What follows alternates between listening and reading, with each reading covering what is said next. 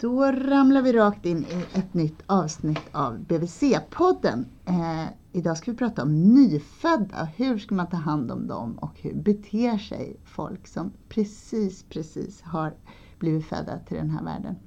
Jag heter Malin Bergström. Jag är barnhälsovårdspsykolog i Stockholm och med mig idag har jag en expert på de här sakerna direkt från BVC. Vad Ja, heter du? Jag heter Veronica Stjärnelans och är barnsjuksköterska på BVC I Vällingby. i Vällingby BVC Mm. Stockholm. Och vi sitter här i ett riktigt BVC-rum med alla mobiler och grejer, som såna här grejer där man mäter och väger barn och så. Ja. Och du Veronica har tagit initiativ till det här för du tänker att när man precis har fått kanske framförallt sitt första barn så har man väldigt mycket frågor som förälder. Eh, ja, men det märker man ju när man har arbetat ett tag på BVC att många föräldrar har eh, ganska lika funderingar och frågor kring nyfödda. Mm. Eh, och därför så tänkte jag att det kanske kan vara en, ett bra tema till en podd. När man går igenom nyfödda barn. Och vi har liksom en lång lista här på grejer som vi tänkte ta upp. Men om du skulle säga så här, vad är det vanligaste? Vad tänker man på som förälder? När man just har fått barn. Mm. Eh, oj, det är väldigt många saker. Allt ifrån eh, hur barnet eh, ska sova och äta och hur de ska skötas om, eh, hur huden ser ut. Det finns väldigt många Ja. funderingar. Man är liksom upptagen med den här pyttelilla kroppen. Ja, precis. Du, jag tänkte på en sak och det handlar om barnets eh, dygnsrytm. För det är väl speciellt med nyfödda? Mm. Precis, nyfödda barn har ju ingen dygnsrytm så som vi vuxna har utan de är väldigt styrda av eh, hunger och mättnad och närhet och sådana saker. Eh, de har ju också ett annat sömnmönster. De kan ju sova på dagen och vara vakna på natten. Det är inget konstigt även om det kan vara jobbigt såklart som nybliven förälder att inte få sova som man brukar. Eh, Ska man vara orolig över det här? Behöver man liksom snabbt ställa in dem på en vanlig dygnsrytm? Eller kan man vara lite tolerant med att det här kommer lösa sig av sig själv på grund av dagsljus? Och... Ja, man bör vara tolerant eh, eftersom små barn egentligen inte går att träna in i en dygnsrytm så som vi har. Utan det brukar komma av sig själv när barnet är några månader. Kanske Mm. tre, fyra månader börjar de ha lite mera sån dygnsrytm som vi har. Mm. Eh, så i början så får man hänga med lite i hur barnet sover och är vaket. Eh, och försöka kanske gå och vila på dagen om barnet sover mer då. Mm. Det tycker jag är det vanligaste rådet man brukar ge föräldrar och det är aldrig någon som lyder det. Nej. Nej, det är många som vill hinna med mycket annat. Mm. Eh, Men för att orka i längden så kan det ju verkligen vara viktigt att försöka. Man kanske inte kan sova på dagen, det är många som inte kan det. Men man kan ju försöka vila i alla fall. Lägga sig ner och blunda lite eller hit, ja, ha no- någonting som eh, gör att man kan koppla av. Jag läste någonstans att om man ammar ett nyfött barn så tar det, har några forskare räknat ut, åtta timmar per dag i rent konkret amning. Det tycker jag ändå var fascinerande. Ja, det låter säkert rimligt. Att det kan vara så. så det låter ju mycket men eh, i, i början vill ju barn amma väldigt ofta Mm. och kanske långa stunder. Mm. Ehm, ja, så det kan, det kan nog stämma. Hur ska man tänka med det då? Ska man låta dem vara vid bröstet så mycket de vill när de är så här små? Ja men när de är nyfödda så vill de ju få, de behöver få igång en amning så att de eh, ja, blir mätta och växer på den bröstmjölk de får i sig. Och då är är det ju bra att få ligga vid bröstet så mycket som möjligt. Sen kan det ju vara så att man som eh, mamma kan känna sig ganska låst och man kan ju få sår och så vid amning som kan göra ont.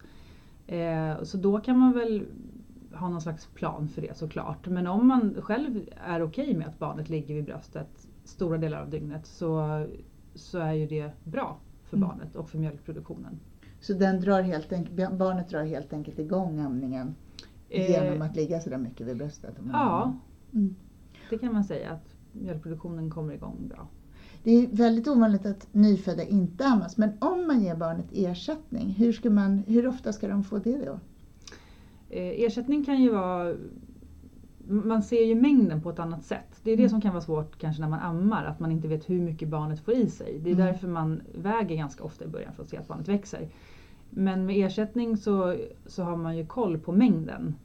Och eh, i början så kan man ju kanske försöka ge barnet med jämna mellanrum, var tredje, var fjärde timme och så. Men ju större barnet blir desto mer styr ju barnet hur det vill äta. Precis som vid amning också. Mm. Att det kanske är, är ofta med, med tätare mellanrum ibland och ibland med lite glesare mellanrum. Så att, eh, svårt att säga exakt hur ofta och hur mycket. Men det du beskriver är ju egentligen det som vi psykologer pratar om, det här lyhördhet, att lära känna barnet, att bli vaken för barnets, vad vill barnet? Vad, att liksom använda det där som ett sätt att lära känna sin lilla person som man har blivit förälder till. Precis, att, ja och exakt så är det ju. Att lära sig tyda barnets signaler, vilket kanske inte alltid är så lätt. Mm. Men tecken på att barnet är hungrigt kan ju vara att det smackar med munnen eller suger på fingrarna. Eh, och att det skriker kan ju Mm. såklart också vara tecken på att barnet är hungrigt.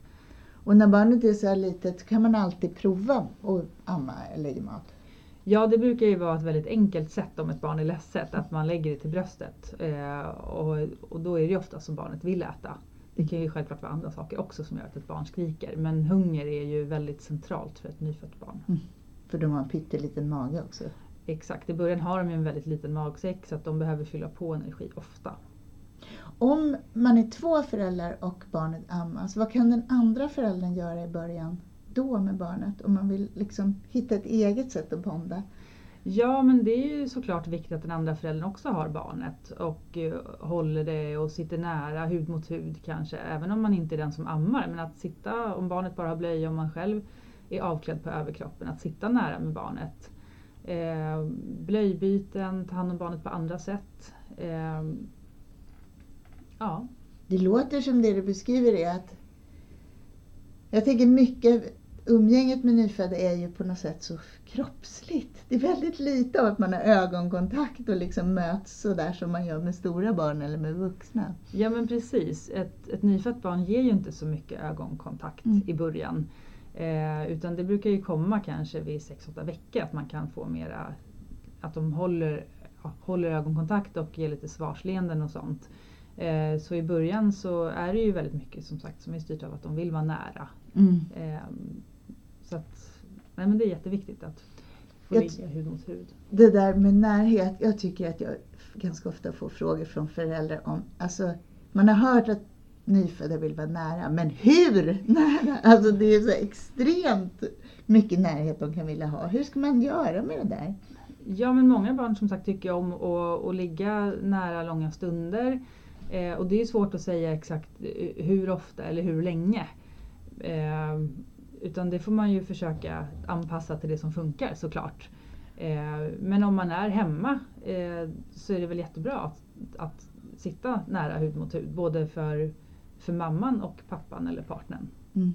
Men du, det finns ingen nackdel med det. Det är inte så att man ska träna barn på att ligga själv. Nej men förr sa man väl att man kunde skämma bort barn så. Men det vet man ju idag att så är det ju inte utan barn mår ju bra av det. Mm. Eh, sen måste man såklart få tid till andra saker i livet som måste rulla på fast man har fått barn. Eh, så är det ju också. Mm. Men, eh, men man kan inte skämma bort barnet med närhet. Kan man ha en nyfödd i ett sele? Om man tänker att barnet vill vara nära och du säger att man måste hinna med andra saker i livet. Ja men där brukar vi väl rekommendera att man eh, följer de instruktioner som följer med alla sådana här attiraljer som finns för barn och nyfödda. Eh, det kan ju vara lite olika vad det är för fabrikat och så men, eh, men om det funkar så kan ju bärsel eller bärsjal vara ett ett bra alternativ så man får händerna fria om man har barn som tycker om att vara nära. Mm. Vilket man väl ofta har. Ja, Vi pratade om att vi skulle liksom titta lite på, på barnets kropp sådär. Du föreslog uppifrån och ner när man, man tänker på vad, hur man ska sköta om en nyfödd. Om man börjar med barnets huvud så finns det någonting här ovanpå, visar jag fast man inte ser det på det, som är lite speciellt och som är känsligt. ja men precis, du tänker på fontanellen. Ja. ja. Eh, och fontanellen är som ett mjukt område på huvudet där skallbenet inte har vuxit igen ännu. Eh, och den kan ju variera i storlek från en halv centimeter till fyra centimeter i diameter. Så att det, Oj, det är ju stort på ett litet bebishuvud. det är stort, det är stora variationer. Eh, men det är normalt och det är ju för att barnet ska kunna födas fram och att huvudet ska kunna växa, hjärnan ska kunna växa. Eh, och många föräldrar kan ju uppleva fontanellen som lite läskig, att man Mm. inte riktigt vågar ta där. Men man kan absolut klappa försiktigt och, och tvätta håret på barnet och så utan att det är någon fara. Eh, hjärnan är ju skyddad av flera olika hinnor och så, så det, är, det är inte någonting som är farligt. Sen ska man ju inte trycka där i onödan såklart, men mjuka rörelser tål den absolut. Mm. Så man ska passa stora syskon lite. Ja, det ska man väl göra överlag, så att se till att de är snälla mot sina små nyfödda Små syskon. nyfödda. Sen kan huvudformen hos nyfödda se lite speciell ut. Mm, precis, det kan, de kan vara lite eh, tilltryckta och lite svullna, lite långsmal eller ha lite toppig huvudform. Det beror ju lite på också hur, hur man har fötts kan man säga. Mm. En del barn har ju som sagt lite toppiga huvuden för att de ska kunna födas. En del barn kan ju bli förlösta med till exempel sugklocka, då kan man ju ha en svullnad efter det. Eh, sen brukar ju det rätta till sig eh, efter ett tag. Svårt att säga exakt hur lång tid det tar men huvudet får ju mer och mer en, en rundare huvudform sen. Det kan man vila i. om en- Absolut, om man tycker att tomte. barnet har lite märklig huvudform så brukar det alltid rätta till sig. Sen påverkas huvudet också av hur barnet ligger. Ja Mm. men precis, det gör det. Små barn har ju väldigt mjuka huvuden. Eh, så att det är vanligt eh, när man har, barn ska ju sova i ryggläge. Mm. Eh, och då är det ganska vanligt att de kan bli platta i bakhuvudet. Eller om de har en favoritsida, att de gärna ligger på höger sida, så kan de gärna bli lite osymmetriskt platta, som vi kallar det för. Så det kan vara bra att vara uppmärksam på, att man eh, har barnet i magläge flera gånger per dag. Redan från när barnet är nyfött kan man börja med det. Mm. Eh, och även när man ligger kanske själv på rygg och har barnet på bröstet så får det också avlasta bakhuvudet lite. Sen kan man också tänka på att har man ett barn som ofta ligger med huvudet på höger sida att man försöker vrida det lite mer åt vänster. Mm. Eh, just så att man inte får den här platta huvudformen åt ena sidan. Kan den stanna kvar annars? Oftast brukar det rätta till sig för man brukar ju titta på det på BVC. När man kommer hit med barnen så tittar man ju på hur huvudet ser ut och då pratar man ju om det just för att förebygga.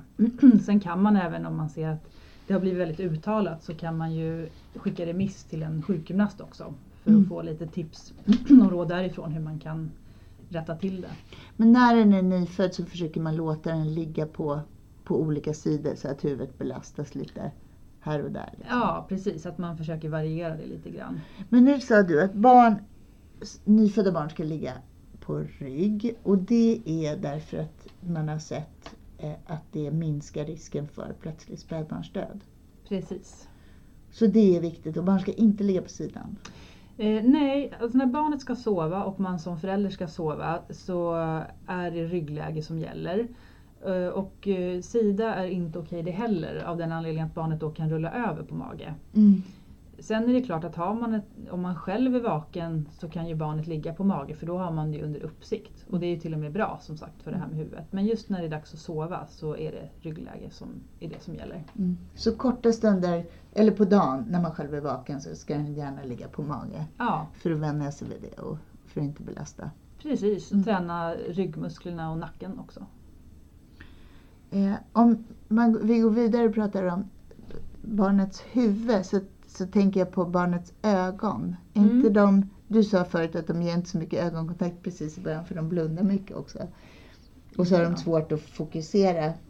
Exakt, i början har exakt svårt att fokusera och de tittar inte så. De kan ju absolut ge ögonkontakt korta stunder och så.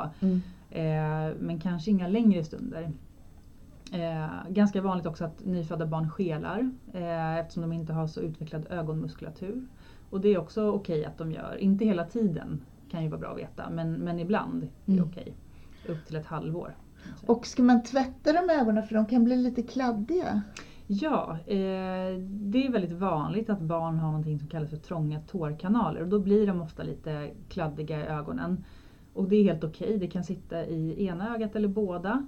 Och då eh, är det ju att tvätta som gäller. Eh, med en bomullstuss eller en kompress som man blöter upp och tvättar liksom från utsidan av ögat in mot näsan.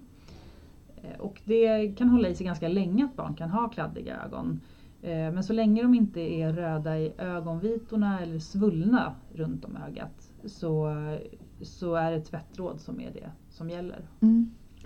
Och näsan då? För kan de vara snuviga när de är så här små? Eh, ja, men en del barn blir ju snuviga. Eh, och allt på ett spädbarn är ju litet. Mm. Eh, och även näsgångarna kan ju vara lite trånga. Och då kan de ju låta som de är lite täppta i näsan. Och det är problematiskt när man ska amma förstås. Precis, då andas de genom näsan. Eh, så det man kan göra då är att droppa näsan antingen med bröstmjölk eller med eh, natriumklorid som man kan köpa på apoteket eller koksalt. Som det också kallas. Men alltså ska man droppa direkt från bröstet in i barnets näsa? Eh, ja, det kan man ju prova. Eller så kan man ju prova om man eh, pumpar ut lite för hand och sen droppar, ja, om man häller det i någonting och försöker droppa in det i näsan. Ja, För då skulle det kunna lösa upp. Precis, det kan lösa upp och eh, just under vinterhalvåret är det väldigt vanligt med förkylningar även hos spädbarn och då är det ju viktigt att droppa näsan just inför matningar och inför att barnet ska sova till exempel. Men jag tänkte på en annan sån där horrible grej som när man skulle suga ut barnets snor om de blir snuviga. Ja, eh, men det förekommer ju faktiskt idag också att man kan köpa på apoteket sådana här eh, snorsugar. Eh, och det kan man ju prova men ofta är, suger det ut snor som sitter ganska långt ut i näsan. Ja. Och ibland hör man ju att det här täppta sitter liksom längre upp. Ah, ja, så droppa är egentligen bättre. Ja, droppar brukar ju vara bättre för att det löser upp det som sitter liksom högre upp. Så ska jag inte säga att det är horrible för att det fantastiska när man har ett nyfött barn det är att man inte tycker något är äckligt längre.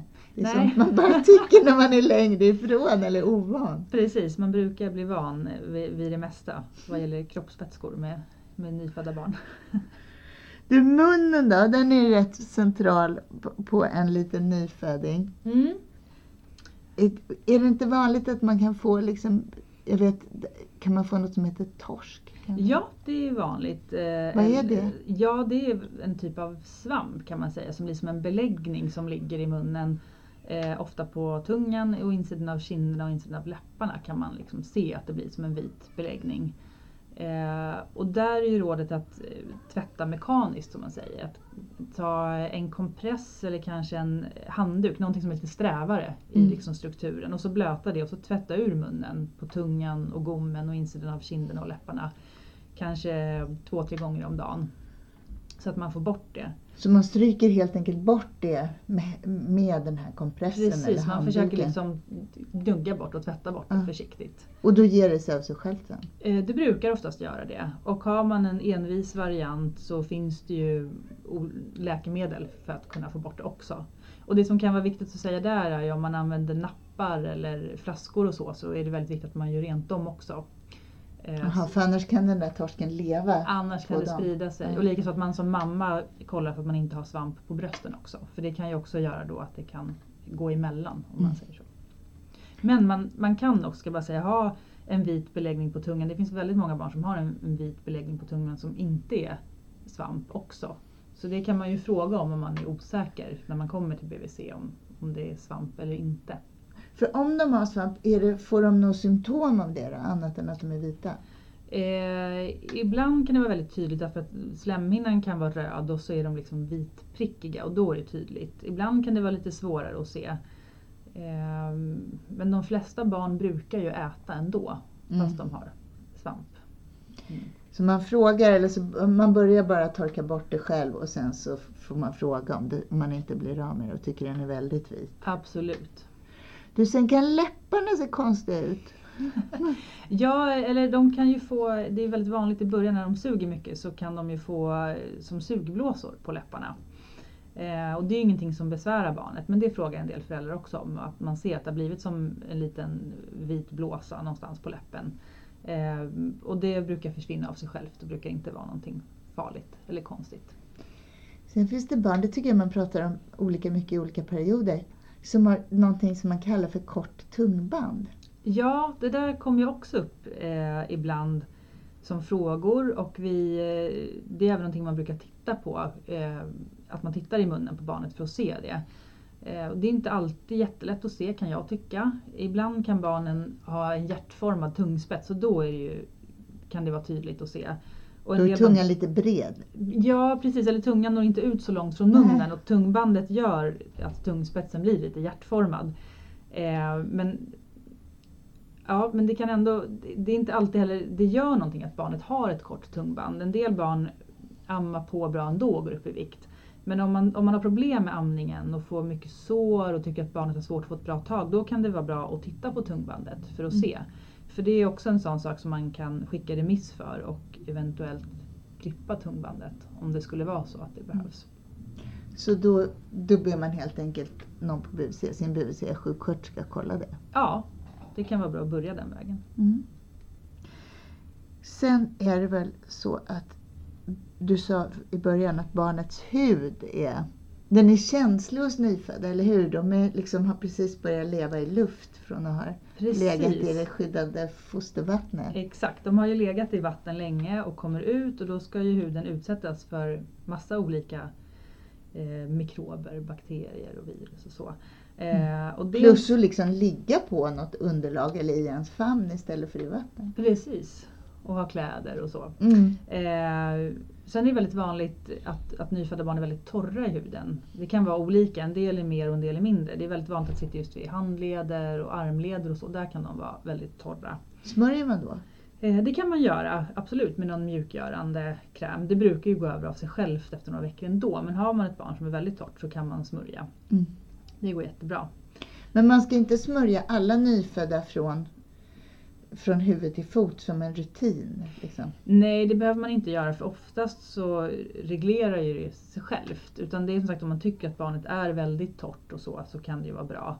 Eller att man kanske har några droppar olja i badvattnet när man börjar bada barnet till exempel. Det kan Nej. också vara lite mjukgörande. När börjar man bada barnet? Eh, ja, eh, man brukar väl oftast vänta några dagar. Dels så är inte små barn, de blir inte smutsiga på samma sätt som vuxna. Eh, men sen brukar man ju ibland vilja att, att naveln kanske ska läka. Men eh, det är okej att bada barnet även om den här lilla navelstumpen sitter kvar. Men man ska inte bada tillsammans med sitt barn förrän naveln har läkt. Och när brukar naveln läka? Eh, Ja men det brukar ta, det kan ju variera lite också men inom två veckor så har väl de flesta barnet tappat den här navelstumpen. Och den, den är helt enkelt en rest från navelsträngen som har suttit ihop med moderkakan inne i mammas mage. Exakt, det stämmer. Och den klipper man ju av efter förlossningen. Eh, och så sätter man på en klämma så att det inte ska blöda från den. Eh, och sen så ska den torka ihop. Och eh, det tar ju några dagar. Och eh, ibland så kan det lukta lite om naveln, det kan ibland vätska sig och, och så. Och eh, naveln brukar man ju också titta på på BVC och se till så att det läker fint och inte är några tecken på någon typ av infektion eller så. Hur sköter man den hemma då? Eh, ja men dels eh, kan man ju titta så att man ser att det inte blir någon rodnad som sprider sig eller så. Och en liten vätska, att det vätskar lite är okej eller att det blöder lite. Då kan man ta, man ska ha re, rena händer när man hanterar naveln så att man tvättar dem först och så kan man blöta en, en sån här bomullspinne och torka rent och sen torka med en torr efteråt. Eh, och tycker man att, att det luktar väldigt illa eller vätskar så mycket eller blöder mycket då tar man ju kontakt med BVC i så fall. Du, när man tvättar sådär med lilla bomullspinnen, ska man göra det varje dag? Eh, Om man tycker att det ser väldigt kladdigt ut, om det ser fint ut och, och torkar ihop fint, då behöver man inte vara där och, och peta i onödan tycker jag. Utan då kan man ju bara låta det ha sin gång och låta det läka. Men ser man att det är kladdigt och så, då är det ju bra att man håller rent. Så att, Mm. så att det inte börjar växa några bakterier eller så där i. Du sa att man kan inte bada, eller man ska inte bada tillsammans med barnet förrän den där lilla navelstumpen har läkt och ramlat av. Hur Precis. badar man den då? då?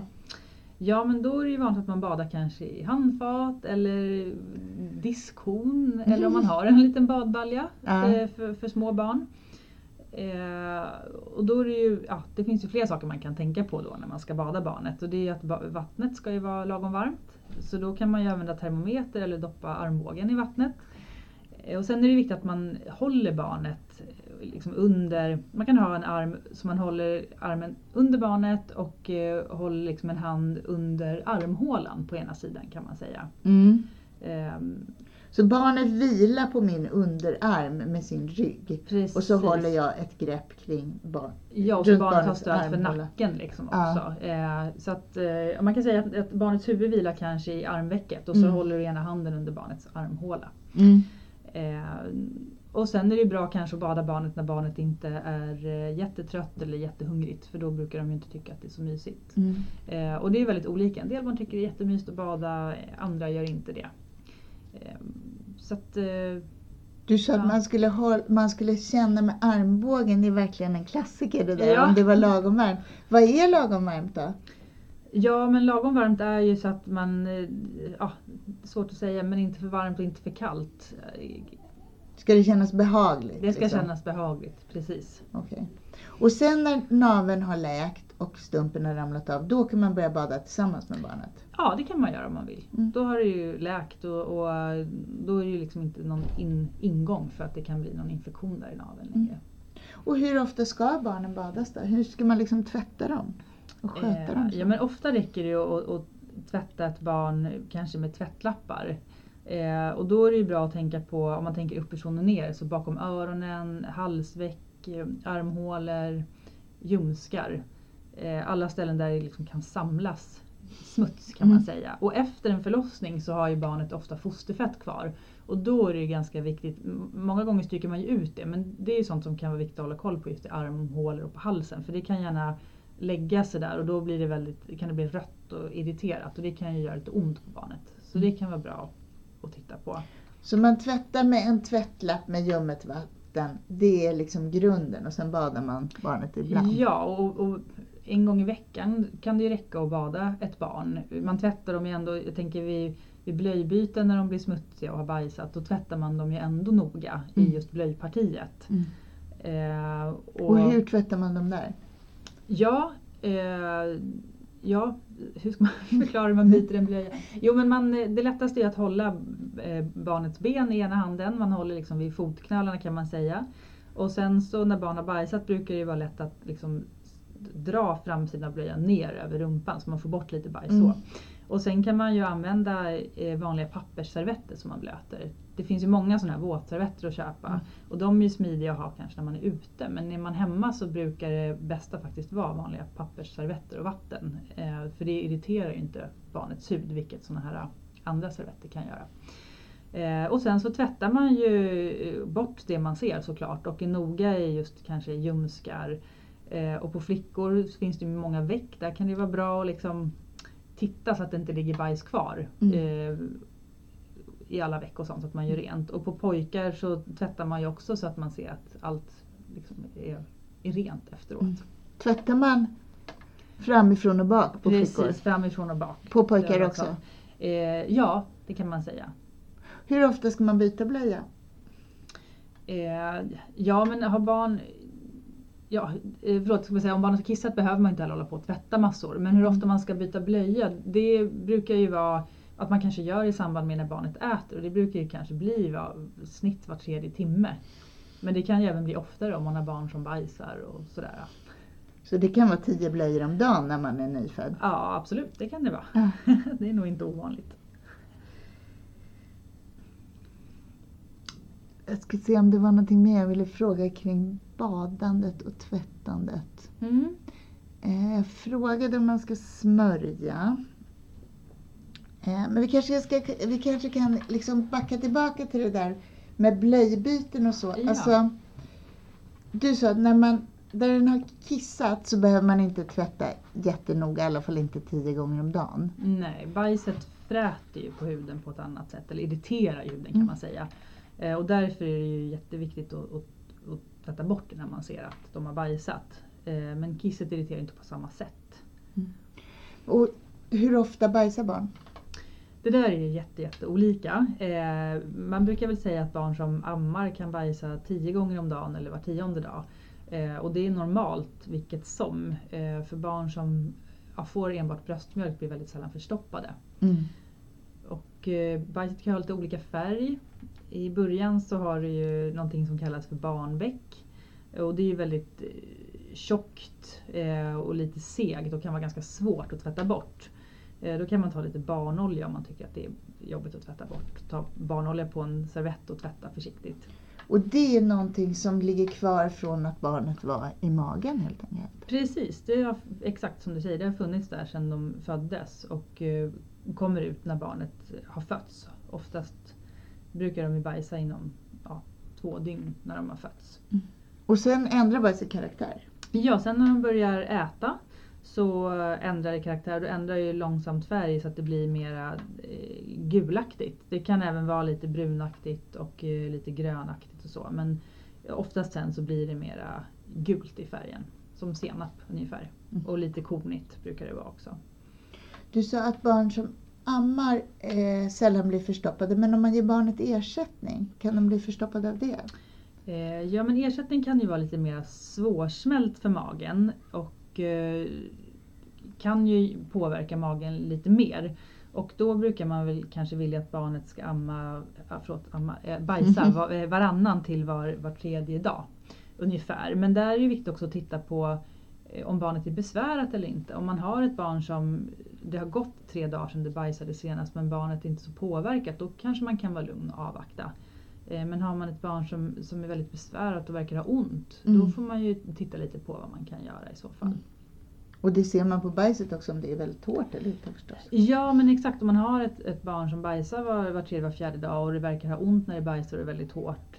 Då, då kan man ju precis titta på det och då brukar det vara viktigt att titta på att man eh, Eh, blandar ersättningen rätt. Att man har rätt proportioner mellan vatten och pulver. Eh, och sen kan man ju titta på eventuellt om man ska kanske göra ett byte till någon annan ersättning om det är så att barnet har besvär av det. Om vi tänker på det där med blöjor så att man ska lufta, att man ska vara utan blöja, är det viktigt? Ja men det brukar vara ganska bra att försöka ha barnet utan blöja. Ligga på en handduk kanske någon gång ibland utan blöja. För det blir väldigt instängt. Blöjan sitter ju på eh, dygnet runt. Och det blir väldigt fuktigt och instängt i, i blöjpartiet. Så dels kan det ju bli eh, att de får utslag eh, och blir lite röda. Och eh, då brukar det vara väldigt bra. Då brukar lufta vara det som hjälper bäst. Mm. Eh, sen kan en del barn även, en del barn kan få svamp också i blöjpartiet. Eh, och, och det är också en sån sak så att då är det också bra att lufta men då kan man också behöva smörja med någon salva som har svampdödande medel i sig. Hur ser man om de har fått svamp?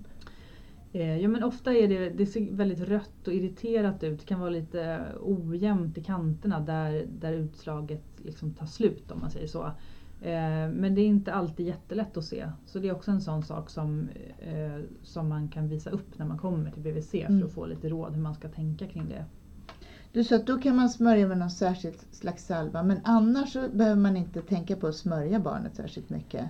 Nej, om huden är fin och, och oskadad så behöver man inte smörja i onödan. Men sen finns det ju många som, som använder det ändå, kanske förebyggande av puder eller salvor eller så. Men om, om huden ser fin ut så är det ingenting man måste smörja med. Smörja med bröstmjölk. Ja, det kan man säkert göra. Absolut. Men det, då är det bara om barnet är irriterat, liksom, om det är rött eller så. Ja, jag tänker att som sagt det är ju ja, det är så fuktigt. Det är väl om man smörjer och låter det självtorka då i så fall. Men annars är det ju fuktigt ändå i, i, liksom, i blöjpartiet. Så att Mm. då kan det vara bra att man, när man har tvättat kan det också vara bra när man har torkat rent ett barn att man kanske torkar torrt efteråt med en torr tvättlapp också. Så Mm. det, Och kanske låta den ligga lite utan blöja. ja, precis. Du, ska man tvätta barn med, alltså när man badar dem och, och tvättar dem och så, gör man det bara med vatten? Eller ska man ta schampo i håret och tvätta dem med tvål? Och, ska det vara särskilda sorter i sådana fall eller? Ja, små barn som sagt blir ju sällan väldigt smutsiga. Men eh, om man vill använda, en del barn har ganska mycket hår till exempel och då kan de ju kanske bli lite smutsiga i håret och sådär. Eh, så då kan man ju använda någon, eh, ja, men någonting som är väldigt milt och snällt mot huden i så fall. Inte kanske massa parf- parfymerade schampo och tvålar och sånt utan lite parfymfritt. Och man behöver inte använda det egentligen regelmässigt. Nej, inte när barnen är så pass små, när de är nyfödda. Du, jag tänkte på, på, vi pratade om huden förut, när vi pratade om hur man ska sköta huden. Men alla de här, alltså de blir röda i rumpan, men sen kan de ju också få konstiga prickar, till exempel i ansiktet kan de ju få några vita prickar. Ja men precis. Det där är också någonting som är jättevanligt att föräldrar frågar om i början när barnen är nyfödda. Eh, de kan ju, torra, det har vi pratat om redan, att barn kan vara torra. Eh, och de här prickarna som du pratar om som är vita, eh, det kallas för milier och är som små vita hårda prickar som ofta sitter runt näsan, kan sitta på kinderna också. Eh, de är helt ofarliga och brukar försvinna efter några veckor. Vad beror de på? Åh, svårt att svara på. Jag faktiskt inte svara på. Det är en sån nyföddhetsgrej. Ja, det är väldigt vanligt bland nyfödda. Ja. Och de, de, de gör man ingenting åt, de bara ger sig? Nej, de brukar man bara avvakta med. Men sen finns det något som kallas hormonpliter också. Ja men precis, det är jättevanligt att nyfödda får. Eh, och det brukar vara när de är några dagar eller ett par veckor kanske att de blir väl rödprickiga kan man säga i ansiktet. Ofta sitter det i ansiktet och på bröstet. Eh, det kan se ut som små, små finnar, de kan vara gula i mitten också.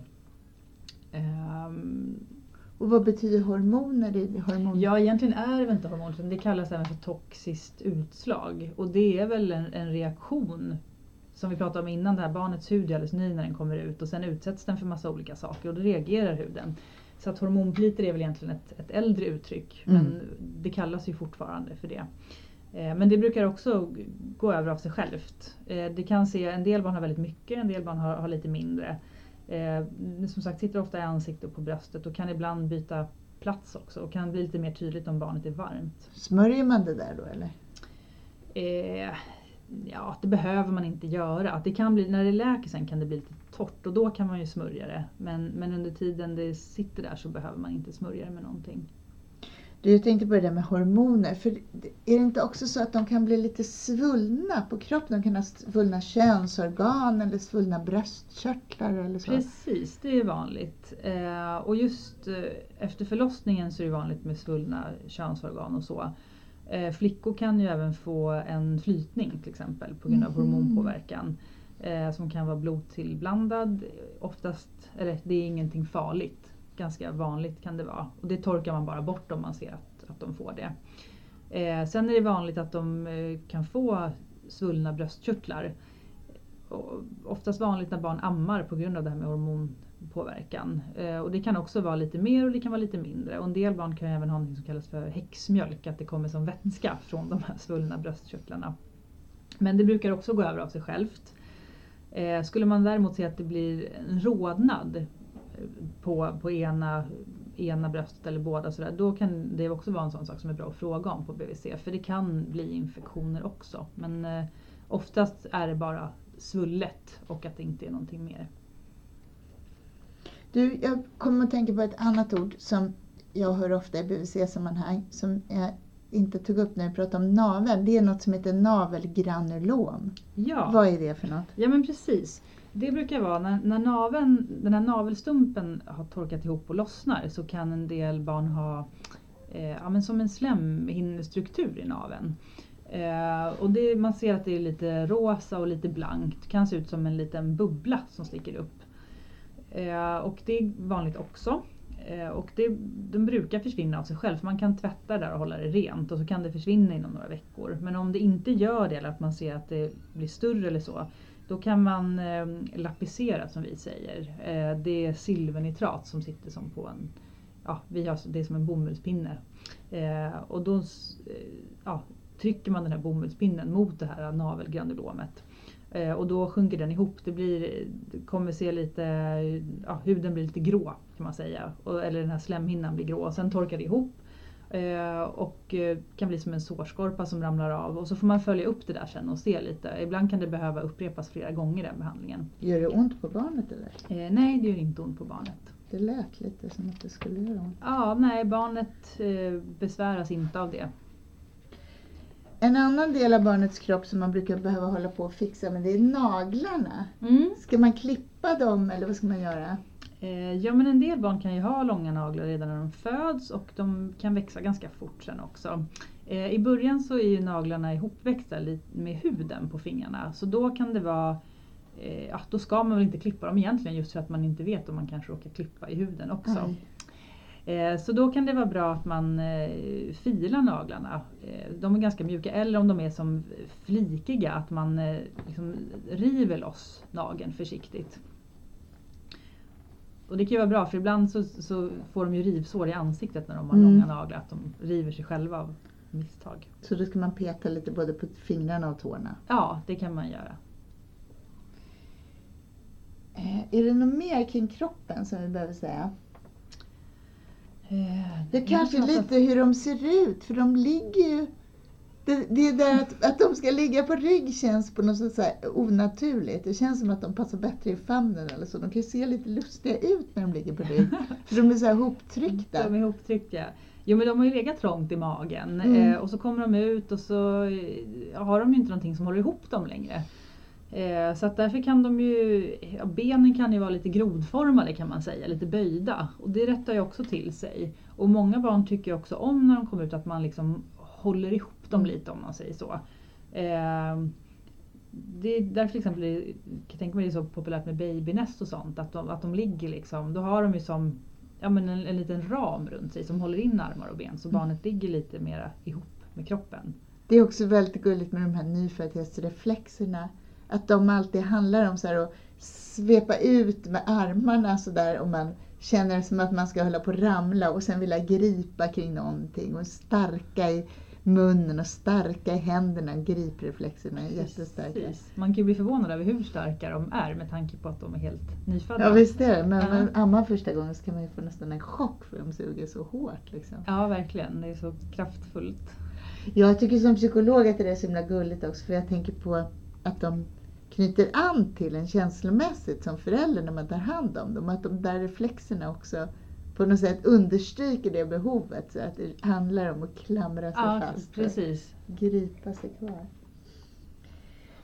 En sak som vi inte har pratat om det är skrik. Mm. För det är ju en rätt stor del av både av barnets kommunikation och av barnets, alltså det man håller på med. Ja, men precis. Och du sa så här, det tar 68 veckor innan de börjar le mot den. Att det är de här negativa känslorna som kommer först liksom. Ja, alltså de kan ju le tidigare, absolut. Mm. Och där är det väl lite omdiskuterat om det är just reflexer som vi pratar om. Att det, eller att ja, de kanske inte egentligen ler viljemässigt så. Eh, Men det tror vi. det vill man, ja eller hur, visst gör vi det. Det vill man ju såklart tro. Men det kanske är, jag tänker revolutionärt, att det handlar om överlevnaden. Att det viktigaste i början det är att kunna säga ifrån om man inte har det bra. Ja men precis, och det här som du säger är ju så viktigt att komma ihåg. Att det är barnets sätt att, att kommunicera och förmedla någonting. Eh, och barn skriker ju olika mycket. Jag kan tycka när vi kommer på, på hembesök till familjer, eh, det är ju ofta när barnet är runt en vecka. Då tycker att det är många föräldrar som uppger då att de tycker att barnet är ganska nöjt, att det, ja, men det äter och sover mest och så. Eh, Men sen så, kan det, så händer lite saker. Barnet går igenom utvecklingsfaser och eh, ja, blir mer medvetet om saker omkring sig och så. Eh, Så det är ganska vanligt att, att de kan bli lite mer skrikiga var eftersom. Eh, Runt 5-6 veckor kan jag och mina kollegor tycka att det är ganska vanligt att många föräldrar tar upp att barnet kanske inte är, är lika nöjt som det har varit innan. Eh, Vad gör man då? då? Ja, eh, dels kan det ju vara bra att, att ta reda om man har, en, om man, har en, ett föräldrapar som tycker att, att barnet skriker mycket, då kan man ju försöka ta reda på hur mycket det är. För det kan ju också vara så att har man ett barn som inte har skrikit någonting alls innan, Mm. då kanske man tycker att 20 minuter är mycket. Mm. Det Eh. känns ju extremt mycket om en- ens barn skriker i 20 minuter. Ja, men om det skriker i 20 minuter i, i sträck och är missnöjt, det är klart att det känns länge. Om man har kunnat trösta barnet tidigare och det inte funkar. Eh, men, men, men det är ju väldigt stora variationer i vad, liksom hur, ett, hur mycket ett barn skriker och vad man som förälder upplever som mycket eller lite. Man kanske har haft ett syskon tidigare som har skrikit mycket mer. Då kanske man inte tycker att 20 minuter är så Mm. mycket. Så det där är ju också viktigt att på något sätt ta reda på eh, hur mycket det är och om det kommer vid något särskilt tillfälle eller så. Ja, ofta är det väl på kvällarna? Ja, det är väldigt vanligt med kvällsoro bland små barn. Att de har en period på kvällen när de inte är så nöjda och lite mer svårtröstade än andra tider på dygnet. Vad tror man att det är då? Ja, men det är svårt att svara på. Eh, Men, men många gånger tycker jag att föräldrar tycker att barnet, eh, om man har, ja, oavsett om barnet egentligen ammar eller får mat på flaska, men att de vill de, de, man tror att de vill äta och så ger man mat och så vill de inte det och så kan det hålla på sådär. Eller så kanske de har eh, Det kanske är så att de har lite magknip för att de har svalt luft och så vill de äta ännu mer och så äter de mer och så kanske sväljer ännu mer luft och så blir det lite en ond cirkel det där och så vill barnet ha tröst för att de ligger nära när de får mat och så kan det hålla på sådär. Eh, men det finns ju olika sätt att trösta såklart. Man kan ju Man kan ju bära barnet, sitta hud mot hud som jag pratat om, ha barnet i bärsel eller sjal. Eh, många barn tycker om att bli vaggade. Mm. En del barn tycker om när man bär dem på underarmen, på mage på underarmen. Mm. Så att man håller dem, så huvudet är i armvecket kan man säga. Mm. Och sen har man handen lite som ett litet tryck på magen på barnet. Mm. Eh, så, så, det finns ju olika sätt att trösta. Man kan kanske ge barn lite magmassage. Hur gör man det då? Eh, ja men då får man ju lägga barnet på rygg och sen så brukar man eh, klappa barnet liksom medsols. Eh, och sen så kan man lyfta benen lite uppåt mot magen. Det finns bra, man kan titta på det på nätet. Det finns så många filmer. Och, man kan och youtuba. Precis, det kan man göra och se lite hur man gör. Men sen är det också, kan det ju vara så att barn det är ju inte alltid man kanske lyckas hitta ett sätt att trösta barnet. Ibland är ju barn de kanske bara är ledsna och mm. då får man försöka göra det man kan under den stunden och hoppas att det, det går över. Men oftast brukar det ju vara eh, ja, men hunger brukar ju vara det man tittar på först. Är de hungriga? Behöver de ny blöja? Är närhet? Varm? Kall? Har det varit väldigt mycket intryck under en dag som, som gör att barnet kanske är överstimulerat och har svårt att komma till ro? Eh, det finns många, många saker man kan titta på men det är kanske inte alltid man ändå hittar exakt vad det är. En utmaning brukar ju vara att man måste lugna sig själv som förälder. För mm. när man, man blir, det finns ju ingenting som stressar oss lika mycket som barnskrik. Det går ju liksom av sig självt på något sätt rent fysiologiskt. Och det är också en utmaning för att det är svårt att trösta någon när man själv är spänd. Då liksom. Hur ska man tänka då, då för att lugna ner sig själv? Ja men det där är ju en, en jättebra synpunkt. För det kan ju vara väldigt jobbigt eh, som förälder. För det ligger ju i en verkligen att man vill hjälpa ett spädbarn som skriker. Eh, och man kan ju bli väldigt stressad när man tycker att nu har jag testat allt och inget funkar. Eh, och, och, det är ju så, barnet känner ju också av det här att om jag som förälder är stressad så kan ju barnet känna det och det blir inte heller på något sätt någon bra förutsättning för att få barnet lugnt. Eh, men självklart om man är två är det viktigt att man kanske byter av varandra. Och har man kommit till en sån punkt där barnet har skrikit väldigt länge och man känner att eh, att man snart inte klarar mer för man blir så frustrerad. Då kanske det är bättre att lägga barnet i sin spjälsäng där det ligger tryggt även om det skriker och så bara gå ut en stund från rummet och, och andas lite och försöka lugna ner sig så att man får liksom nya krafter att försöka trösta barnet. Mm. Jag har egentligen bara en fråga till och den kanske är jättesvår att svara på men jag tänker på att man ofta undrar hur varmt är lagom varmt? Mm. Alltså jag tänker att klä på av nyfödda, det känns som en aktivitet som man kan ägna sig åt flera timmar om dagen. Ja, liksom vad är lagom? Ja, det där är också en jättevanlig fråga. Hur mycket ska man klä på barnet? Mm. Eh, också ganska svårt att svara på kan jag tycka. Alltså ska man gå ut så kan det vara bra att titta på, inte bara hur, hur varmt eller kallt det är, utan även titta på eh, luftfuktighet och vind till exempel. Oj, det låter som att det blev en ännu mer meteorologisk övning. Ja, nej men mer att man, man, man tänker på, det kan ju vara kanske hyfsat varmt men det kan ju blåsa som jag och göra mm. att det blir kallt och så. Och sen ska man ha barnet i vagnen, ja men då ligger barnet ganska skyddat i vagnen. Eh, eller ska man gå mer i en bärsele, då sitter det ju mer oskyddat. Man får titta lite på omständigheter. Eh, men det brukar vara bra att, att känna på barnet, nacken och pannan brukar vara bra ställen att känna på ett barn eh, om de har en bra temperatur. Händer och fötter är ofta kalla på nyfödda barn. Mm. Eh, så det säger inte så mycket om hur, hur varmt eller kallt barnet är liksom, på hela kroppen. Eh, och då ska man ha olika lager så att man kan plocka av ett litet lager ja, i taget om man nu känner på, på nacken och pannan att den är Precis. lite för varm. Liksom. Det brukar vara bra. Likaså har man en vagn där man har kanske en åkpåse och en filt och sen eh, som ett slags lock över själva vagnen. Då kanske inte barnet måste ha på sig fleeceoverall och flera lager kläder för det blir väldigt varmt i vagnen. Utan då räcker det ju med några tunnare kläder.